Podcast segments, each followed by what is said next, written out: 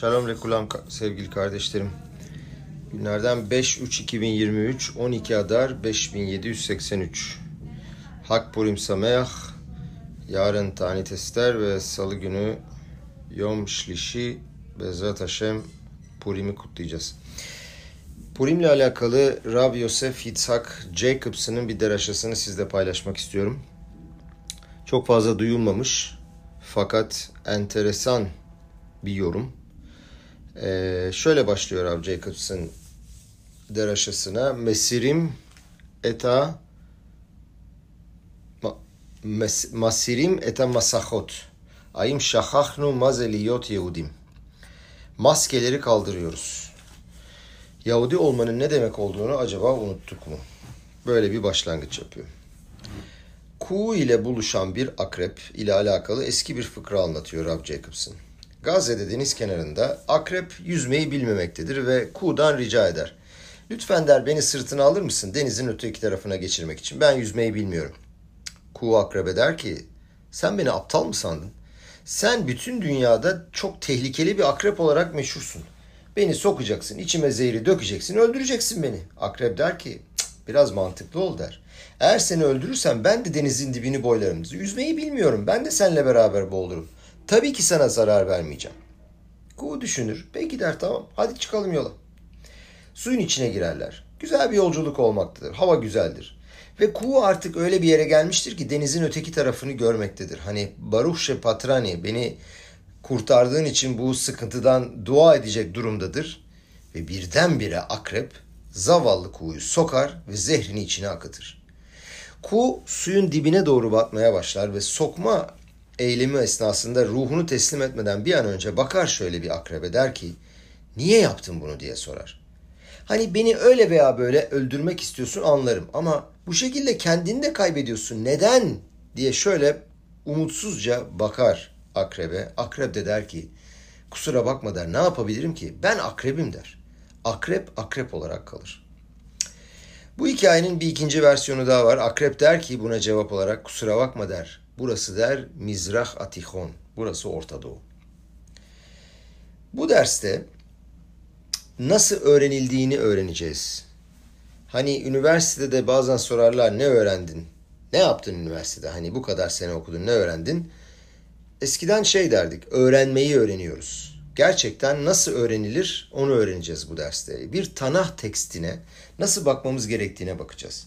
Ve ona birkaç yönden nasıl bakabiliriz? Yüzeysel olarak genelde göremediğimiz o derinliği nasıl ayırt edebiliriz? Nasıl farkına varabiliriz? Ve sadece yüzeysel açıdan derinliği değil, aynı zamanda günlük hayatımıza uygunluğu açısından da derinliği görmek çok önemli bir Tanah tekstinde. Megilat Ester, iki gün sonra hem akşam hem sabah okuyacağımız Megilat Ester şu meşhur cümleyle başlar. Vayi beyme ahaşveroş hu hahaşveroş amolech meodu ve atkuş şeva ve esrim umea medina. Böyle başlar. Der ki yani o Ahasveroş'un o günlerinde olmuştu. O Hindistan'dan Kuş'a, Nubya'ya kadar 127 tane ülkeye hükmeden Ahasveroş'tu. Ve burada her bilgi adamın, meraklı adamın sormuş olduğu soru ortaya çıkıyor. Diyor ki, Vayi bime Ahasveroş, hu Ahasveroş. Biliyorsunuz Tanah'ta her kelime kesin ve sarihtir. Niçin burada iki kere üst üste söylenmiş kelimeler var? U Ahasveroş diye tekrardan tekrarlama, tekrarlamaya gerek yok ki. Hani şey deseydi, Vayi bime Ahasveroş, amoleh me odu ve atkuş şeva ve esrin. Burada uhu Ahasveroş sanki fazladan konmuş bir kelime olarak görünüyor. 27 ülkeye hükmederdilerdi. Yeterdi. Yorumcular bu basit soruyu soruyorlar. Niye bir daha U Ahasveroş var? Avram Ben Ezra, İspanya'nın 11. yüzyılda yaşayan en öne çıkan bilgelerinden biri olan Avram e, Ben Ezra, Even Ben Ezra, çok mantıklı ve basit bir şey yazıyor. Diyor ki, çünkü diyor birden fazla Ahasveroş vardı. Eğer vayi bime Ahasveroş amoleh meudu ve atkuş şeva ve esrimu mea medina deseydi, yani bir tek hu Ahasveroş koymasaydı, o zaman diyecektik ki bir tek Ahasveroş var. Fakat başka bir Ahasveroş daha vardı. Tora Megila bunun işaretini veriyor. Vayi bime Ahasveroş ama Eyze Ahasveroş. Hangi Ahasveroş? Paro gibi. Tek bir paro yoktu. Mısır krallarının çoğu Çoğuna paro deniyordu. Ee, affedersiniz. Ufak yanlışlıklar var. Onları düzeltiyorum arada okurken. Ee, paro deniyordu. Mesela Sezar gibi, Çar gibi. Bir tek Çar yok. Çar birçok Rus liderlerinin hepsine verilen genel bir ifadeydi. Cümlede soruyor hangi Ahasveroş ve işaret veriyor. Hindistan'dan Kuş'a kadar 127 ülkede hüküm süren Ahasveroş. Eben Ezra böyle yorumluyor.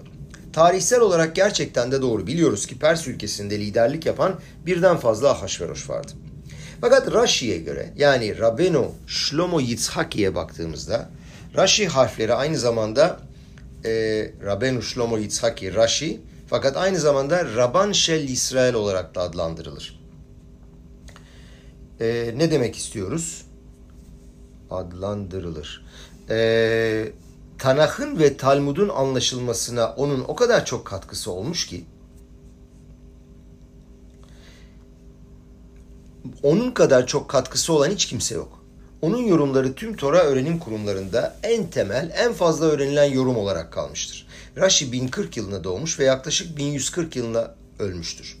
Almanya'da biraz öğrenim görmüş fakat hayatının en büyük kısmını Fransa'da geçirmiştir. Onun Am İsrail'in, İsrail halkının Tora öğrenime katkısının bir eşi benzeri daha yoktur.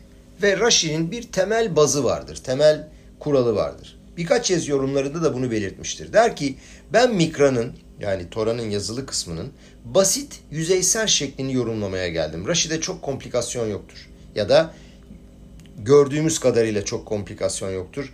Ravdinovic her zaman söylerdi ki Rashi en büyük mekuballerden biriydi diye. Fakat kendini açığa çıkarmamıştır. Rashi bizim en iyi arkadaşımızdır ve diyor ki her cümlede elimizden tutar ve bize cümlelerin basit anlamını, bizim anlayacağımız şekilde anlamını vermeye çalışır. Tabii ki Rashi Gemara'dan, Midraşlardan alıntılar ve yorumlar yapar fakat Midraşların çoğundan çok fazla alıntı yapmaz. Genellikle daha temel ve basit yorumlar alır. Fakat bu vakada, bu sefer de Even Ezra'nın sorusunu o da sorar. Der ki, fakat Rashi bu soruyu sorduktan sonra tamamen farklı bir yorum yapar. Gemara Masehet Megila'dan alıntı yapar. Tekrar cümleyi okuyalım. Vayi bime Ahashverosh, u Ahashverosh amolech meodu ve atkuş, şeva ve isrim umea medina. U berishon mithilato at sofo. Yani diyor ki başından sonuna kadar, bütün bu hikayenin başından sonuna kadar o Ahashveroş'tu.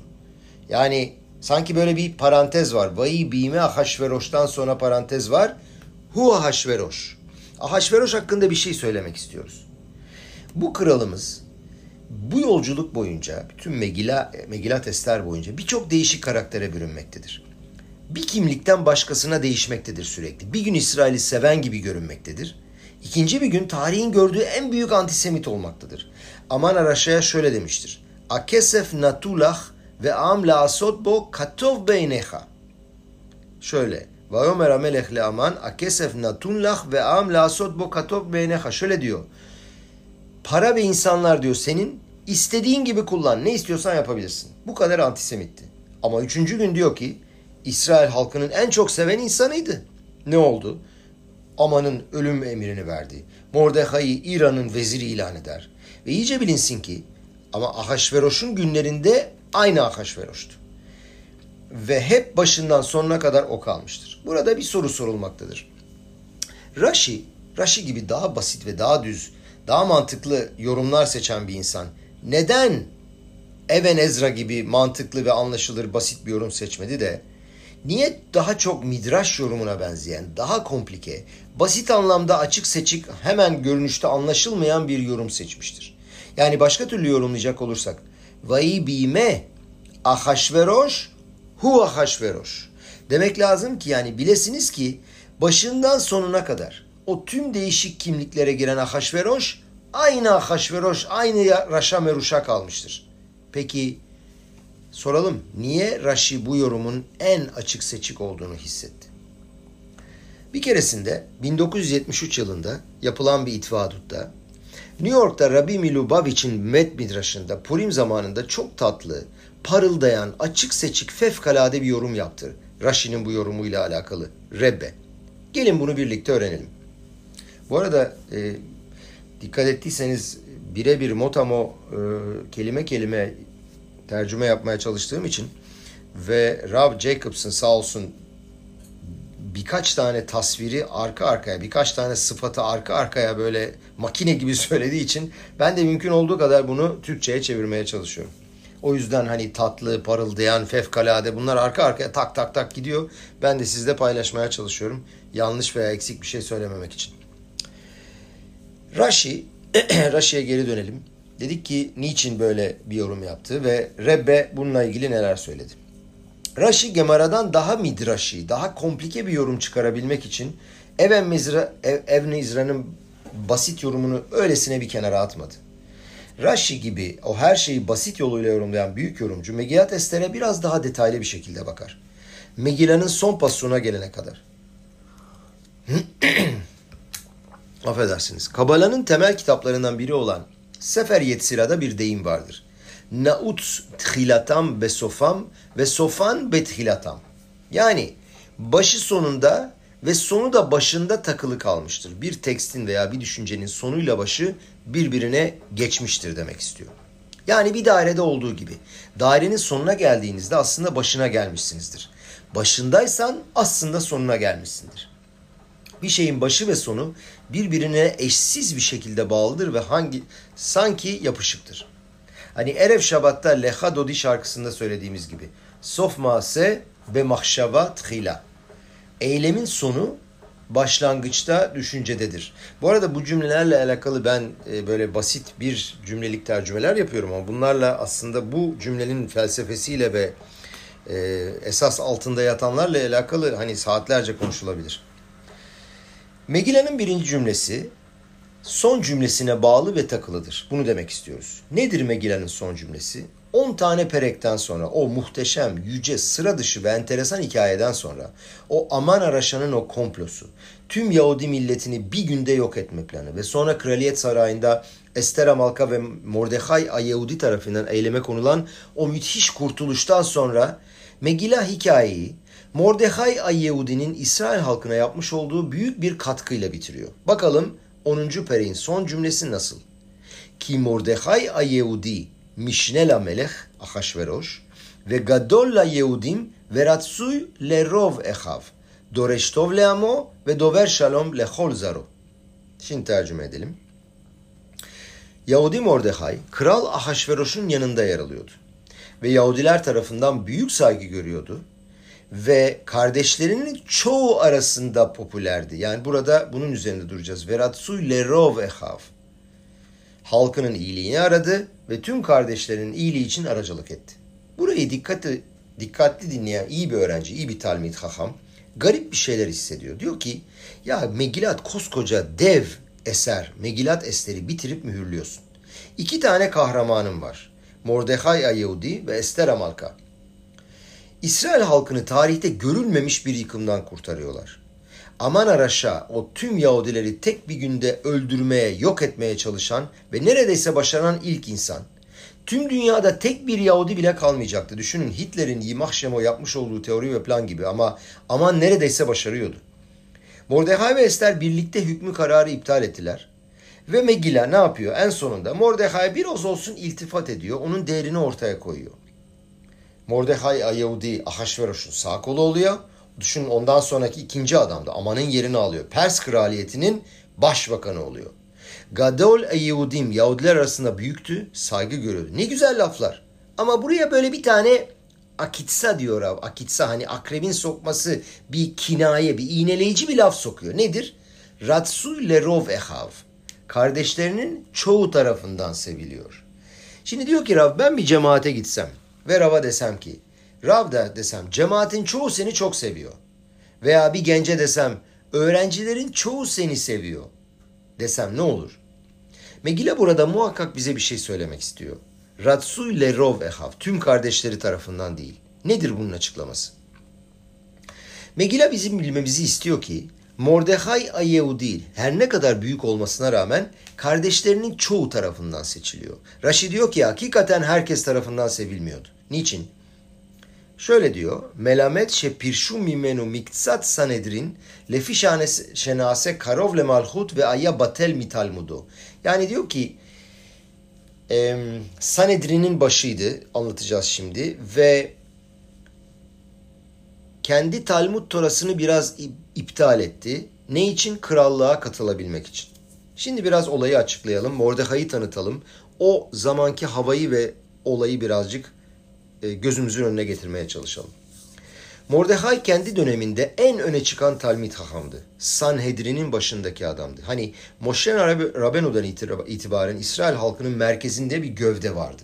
Moshe Rabenu Şivim zekenim 70 tane zekenim atamıştı. Kendisiyle beraber de 71'di ve bunun adı Beytdina Gadol, Sanedrin Gudola'ydı.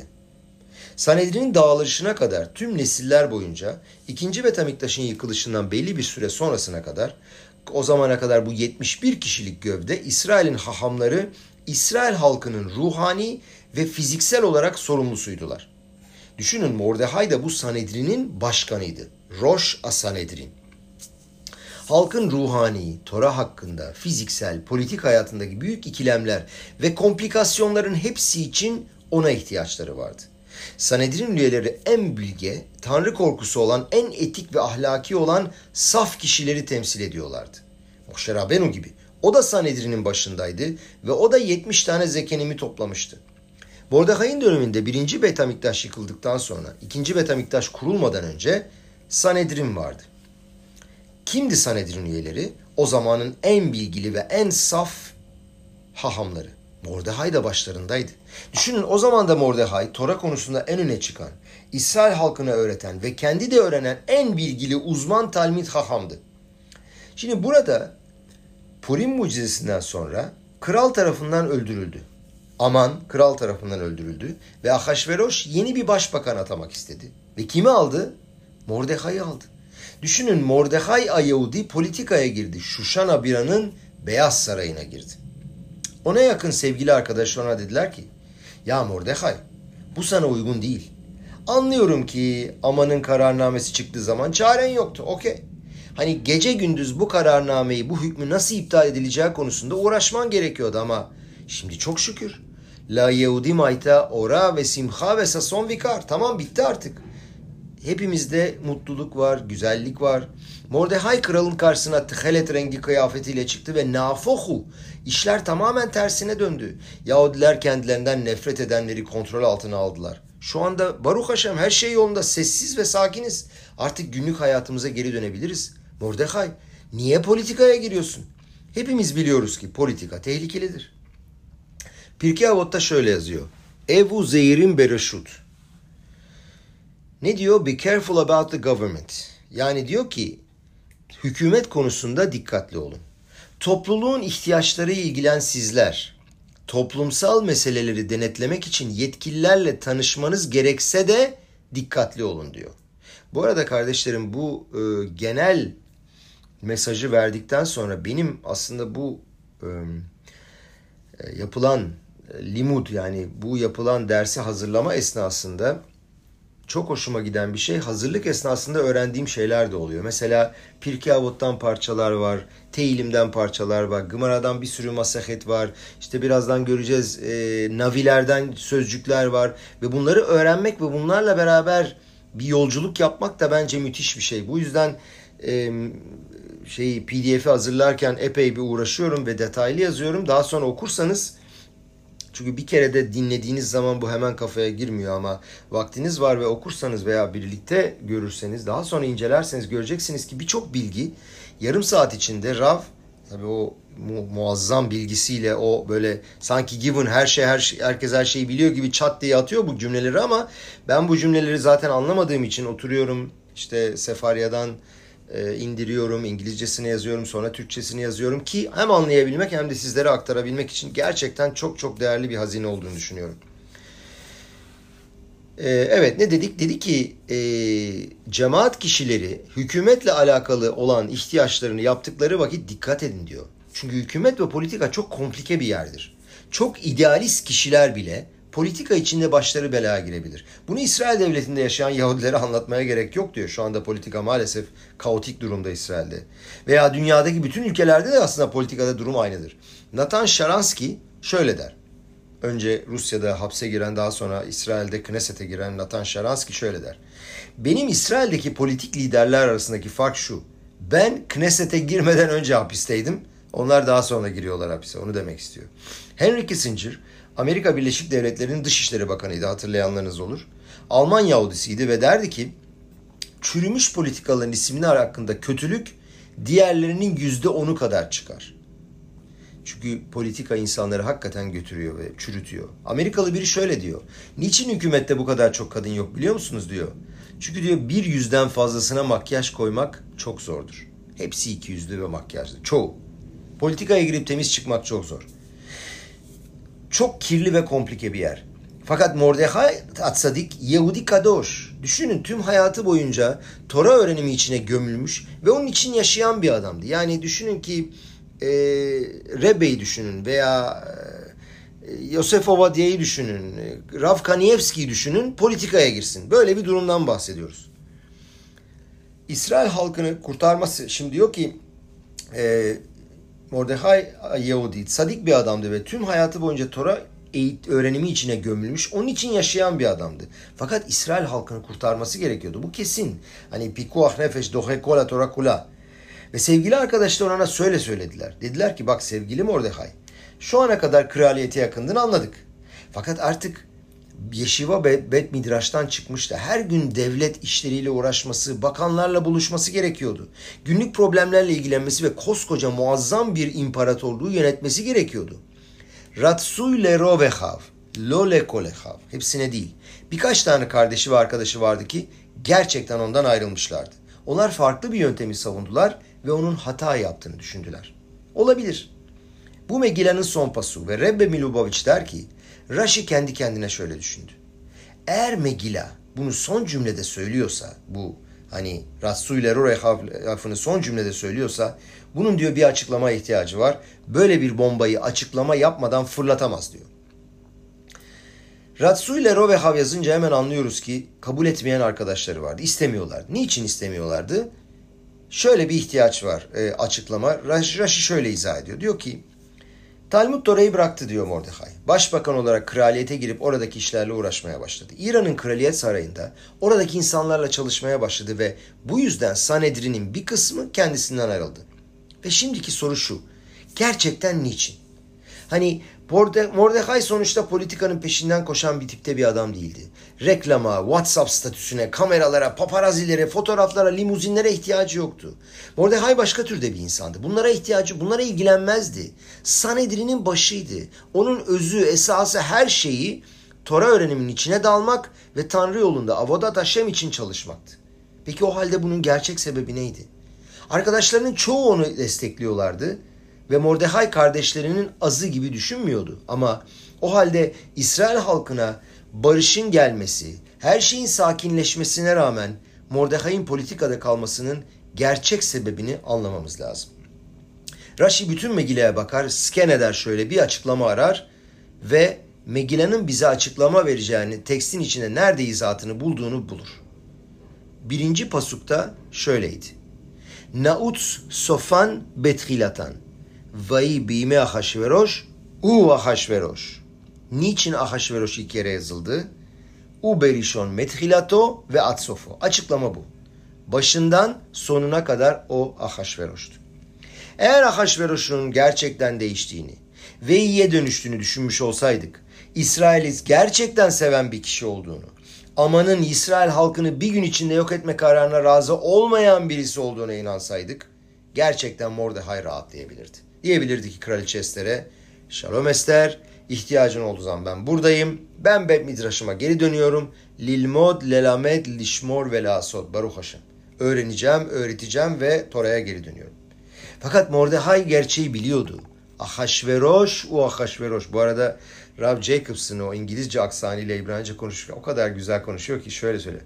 Ahasveroş, o Ahasveroş. Acayip güzel söylüyor. Ondan dinlemeniz lazım. Ve bunu birkaç kere söylüyor. Hakikaten belki de başlığı bunu koyacağım. Ahasveroş, o Ahasveroş. Rambam hakkında bir hikaye anlatılır. Bir tartışma vardı. Diyor ki Rav Jacobs'ın hikaye gerçek mi bilmiyorum ama alınacak çok ders var diyor ve çok enteresan. Rambam kendi neslindeki bir takım bilgelerle bir hayvanı değiştirebilir miyiz sorusunu tartışıyordu. Ve bir kedi aldılar. Bu hikaye aslında çok söylenmiştir ama enteresan olduğu için ve buraya uyduğu için söylüyorum. Rambam'a dediler ki biz bu kediyi değiştirebiliriz. Egzersiz yaparız, ona rehberlik ederiz ve hayvanı insan gibi yetiştirebileceklerini ispat etmek istediler. Öyle bir tarz var ki diyorlar ki bazıları insan aslında bir hayvandır. Hani Darwin'den de biliyorsunuz o gelişim teorisini. Ee, olay sadece gelişim meselesidir.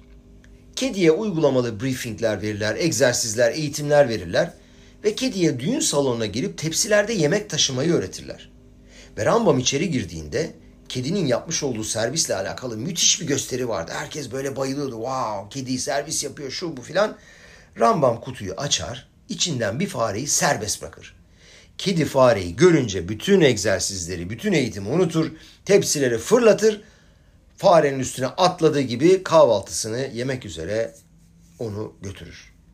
Ve kedi, kedi olarak kalır. Nasıl ki akrep, hikayenin başında anlattığımız gibi dersin başında anlattığımız hikaye gibi akrep akrep olarak kalır. Ahasveroş da Ahasveroş olarak kalır. Ve Mordehay bunu biliyordu kardeşlerim. Eğer Aman Araşa'ya tüm Yahudileri yok etmek için senin bana değil benim sana ödemem lazım diyebiliyorsa, eğer karısı Yahudi olsa bile, onu sevse bile, Mordehay onun başbakanı olsa bile bir ay, altı ay, bir sene, beş sene geçebilir ve birdenbire aman hadaş çıkar ortaya. Yeni bir aman çıkar. Ve Ahasveros'u kendi kalesine ve sihrinin içine sokar.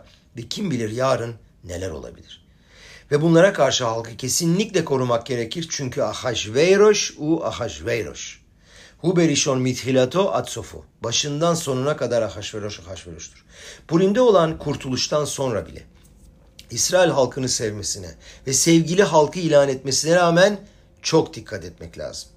Gemara'da Melech Hafhafan diye geçer. Masahet Megilla'da.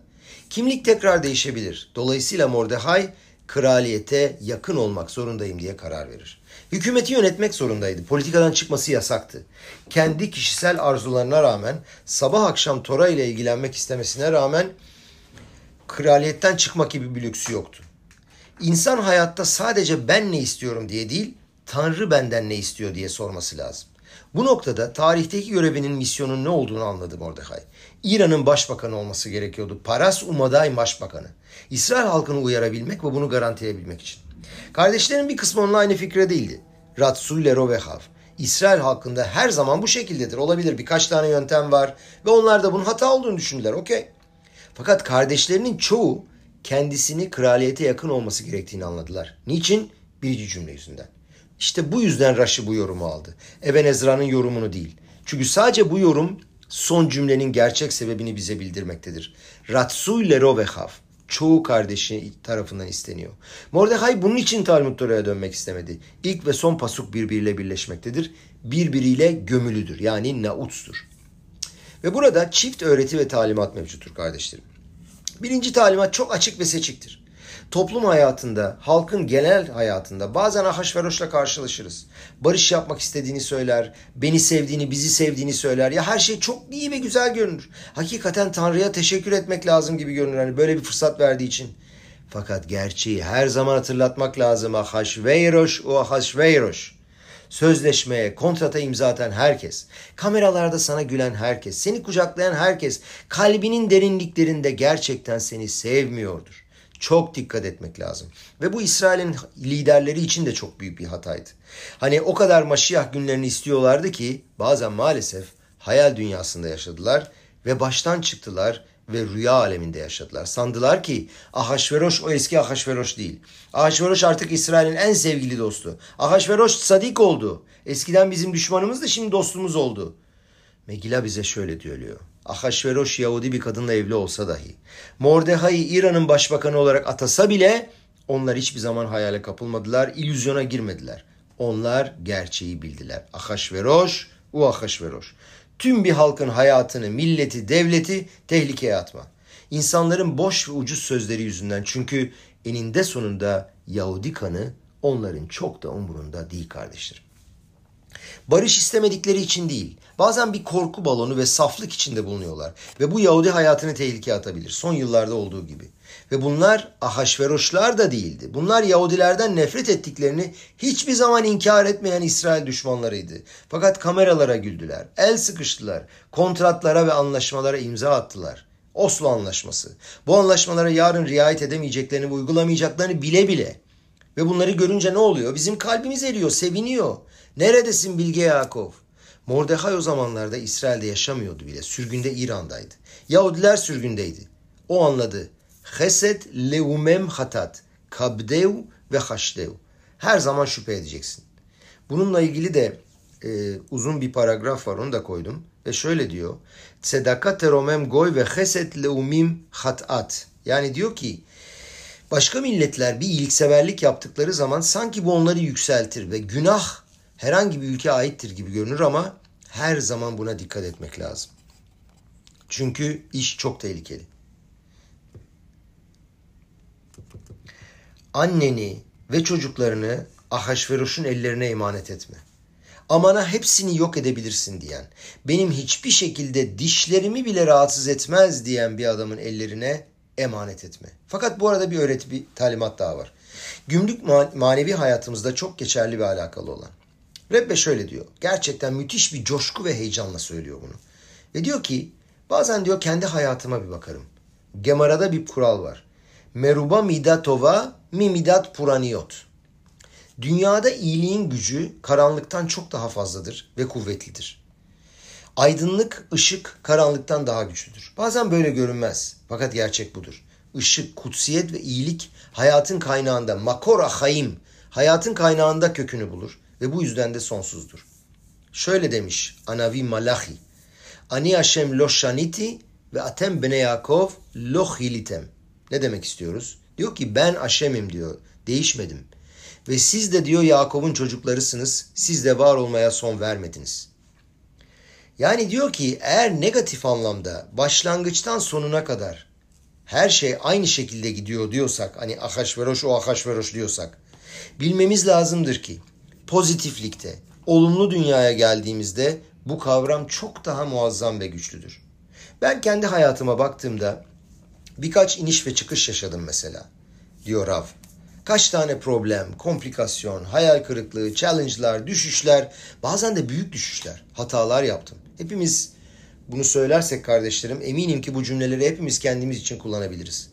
Bilinçli veya bilinçsiz, isteyerek veya istemeyerek. Belki de hiç seçmediğim şeyler geçirdim hayatımda. Ve bunların sonucunda hayatımda öyle çok seneler geçti ki onlara baktığımda utanıyorum. Ama bununla ilgili bilmemiz lazım ki vayi bime ahasveroş u ahasveroş. Yani kötüye geldiğimiz zaman eğer kötü değişmez diyebiliyorsak u berişon meat halato ve sofo başından sonuna kadar aynı diyorsak iyiliğin gücüne geldiğinde çok daha güçlüdür. Ve insan bilmelidir ki helek eloka mimaldir. Yani Tanrı'nın suretinde yaratılmıştır ve özünde esasında iyidir. Yahudin yaşaması helek eloka mimal mamaş. Şöyle söylüyor Abraham Jacobson, onu da söylemem lazım. Helek eloka mimal memeş. O yüzden de iyidir. Tamdır ve sevinçtir. İşte o sevinç, iyimserlik, ışık, umut, kutsiyet ve asalet, od ve adar doludur sonsuza kadar. Ve bu başından sonuna kadar senin gerçek temelindir, özündür ve esasındadır. Soru sorma. Sen Ahasveroş'a bak. İsrail milletinin sevgili dostudur. O bizi kurtardı. Dışarıdan göründüğü gibi değil. Sakın ona bu şekilde bakma. Ama aynı bakış açısı ve düşünce şekli olumlu anlamda da geçerlidir. Sadece harici şekilde bakma. Hitsoni değil, olay pnimi. Dışarı bakıldığında, dışarıdan bakıldığında belki düşüşler, belki hatalar, belki bir sürü sıkıntılar oldu. Fakat Yahudinin sadikliğinde başından sonuna kadar o aynı senelerde düşüş olduğunda o düşüş yüzeysel ve hariciydi. Bu benim gerçekliğim gerçeklik gerçekliğim olduğunu hissetsem bile bu senin içsel ve batini, pnimi gerçekliğin değildir. Çünkü onun tamamı iyi ve kutsaldır. Bunu değiştiremezsiniz. Bu tüm İsrail halkı için geçerlidir ve doğrudur. Bazen Yahudi kendisine bakar ve der ki ya ben bu Yahudiliğe çok fazla ait değilim. Ben Hiloniyim. Babam da öyleydi. Annem, dedem, ninem de Hiloniydi. Bir Torakiyim ben kim? Yahudilik mitzva olayına ait değilim. Ben çok yabancıyım. Bu benim olayım değil. Yahudi milletin içine doğdum tamam. İsrail'de yaşıyorum tamam ama ben az veya çok bu şeylere çok yabancılaştım. Rebbe der ki Ahasveroş'tan öğren. Ahasveroş için derler ki o birçok senedir İsrail halkıyla dost olmasına rağmen gerçeği sakın unutmayalım. O başında neyse sonunda da odur. Demek oluyor ki İsrail halkına şöyle bir bakalım. 3000 sene boyunca ninelerimiz, dedelerimiz, onların nineleri ve dedeleri Moşe Rabenu'nun Sinay Dağı'nda Tora'yı aldığı zamana dek Yahudilik, Yahudi halkı ve Yahudi dini yani Yadut, Am İsrail ve Torat İsrail, Dat İsrail tüm hayatlarını doldurdu. 50 sene öncesine kadar belki de 100 sene belki de en fazla 150-200 sene önce sadece birkaç nesil arkana gittiğin zaman Limut Tora ve Tora yaşamı için kendilerini feda eden Yahudinin içine dalmış ninelerimizi ve dedelerimizi bulursunuz. Tamam anlaşıldı birkaç sene dolmuş olabilir. Biraz ayrılık olabilir fakat Ahasveroş için başından sonuna kadar aynıdır diyorsak eğer tabii ki olumlu açıdan her Yahudi için de bu geçerlidir. Başından sonuna kadar Mamad Arsinay'dan bugüne kadar tanrısallık ve kutsiyet doludur. Narın içindeki kadar mitsa, Tora, Atsilut, asalet, hayat ve sevinç doludur. Yahudilik senin damarlarında, kemiklerinde binlerce yıldır bulunmaktadır. Her birimiz, hatta ben şuna inanmıyorum diyenler, ben ateistim. Ben Şabat'a inanmıyorum. Yom Tov, Tora, Hupa, Kidushin umurumda değil. Yahudilikle ilgili hiçbir şey umurumda değil. Desek bile diyenler var. Yahudilik atalarının ve onların atalarının yaşamlarına, kemiklerine sızmıştır. Bu sizin DNA'nızdır. Tamam birkaç senedir bu paket biraz kopmuş ayrılmış olabilir. Bu harici bir şeydir. Bu sığ ve yüzeysel bir meseledir. Ama kendi özünü sakın buna göre tanımlama. Ahasveyroş u Ahasveyroş. Sen sadikliğinde başından sonuna kadar Yahudisin. Onlarca sene ve belki yüz sene boyunca yüzeysel olarak başka türlü görünmüş olabilir. Okey tamam. Bundan bu kadar etkilenmene gerek yok. Biraz kaz, biraz derinlemesine gir. Gerçeği göreceksin. Sen Abraham, Yitzhak, Yakov, Sara, Rifka, Rachel ve Lea'nın çocuklarısın. Tek birbirine ve Yaradan'a bağlı özel Yahudi milletisin. Manhattan'da yaşayan George Ward diye birinden duydum. Büyük bir barışsever. Aynı zamanda öne çıkan altın kalpli bir cemaat adamı. Birkaç sene evvel Yom Kippurim'den evvel Rebbe Milovac'ı ziyarete gider. Ve görür ki uzun bir kuyruk var ve bütün insanlar içlerindeki sıkıntıyı ona anlatmaktadırlar. Ve karar verir der ki ben Rabbi'ye iyi bir haber vereceğim ve onu sevindireceğim der. Ve der ki Rabbi'ye sırası geldiğinde bu Rosh Hashanah'da kendi sinagogunda Manhattan'da beginners minyan yani başlangıç seviyesinde olanlar için minyan oluşturduğunu söyler. Der ki bu Yahudilerin hiçbir Yahudi altyapısı yoktu. Şöyle der İngilizce. They don't have a Jewish background. Bunu İngilizce söyledi. Ve onlara minyan yapmış. Bunu onlara güzel bir şekilde, tatlı, uygun, ulaşılabilir bir şekilde sunmuş. Aslında çok iyi bir şey. Büyük minyanlarda hiçbir şey anlamayıp komplikasyonlar yaşamasınlar diye. Rabbi'ye demiş ki Jews who don't have a Jewish background, Yahudi altyapısı olmayan Yahudiler deyince Rabbi'nin daha önce gülen neşeli olan yüzü birdenbire ciddileşti. Rabbi sanki duymamış gibi bir ses çıkardı. Ha? Yaptı böyle. Rabbi duyduğu bir şeyi beğenmediği zaman böyle bir ses çıkarırmış. George Rowe söylediği şeylere geri döndü. Yahudi altyapısı olmayan, Yahudilikle ilgili olmayan Yahudilere minyan yaptım der. Rebbe tekrar ha der. George Rowe bir, şey bir şeylerin doğru olmadığını anlar ve Rebbe ona bakıp şöyle der. Onlara dön ve hepsine şunu söyle. Siz Abraham, Yitzhak, Yakov, Sara, Rifka, Rachel ve Lea'nın çocuklarısınız. Bu sadece semantik hani anlam bilimiyle alakalı bir şey değildir. Şu kelime, bu kelime değil. Bu içsel bir görüş açısıdır. Sen kimsin? Aynaya bakıp kendi inişlerimi ve düşüşlerimi, problemlerimi, komplekslerimi, bütün doğru yapmadıklarımı, beni haklı çıkarmayan ve acı veren bütün şeyleri görebilirim ve doğrudur, hata değildir. Fakat burada çok daha derin bir şey öğreniyoruz. Hayattaki olayların, hataların senin kimliğini, gerçek özünü tanımlamasına izin verme. Ahaşveyroş u ahaşveyroş. Sen ve ben helok eloka, helek eloka mimal mamaşız. Yani Tanrı'nın gözünde onun suretinde biriz ve çok değerliyiz. Başlangıcından sonuna kadar Purim Sameach, Amen ve Hen Yiratson.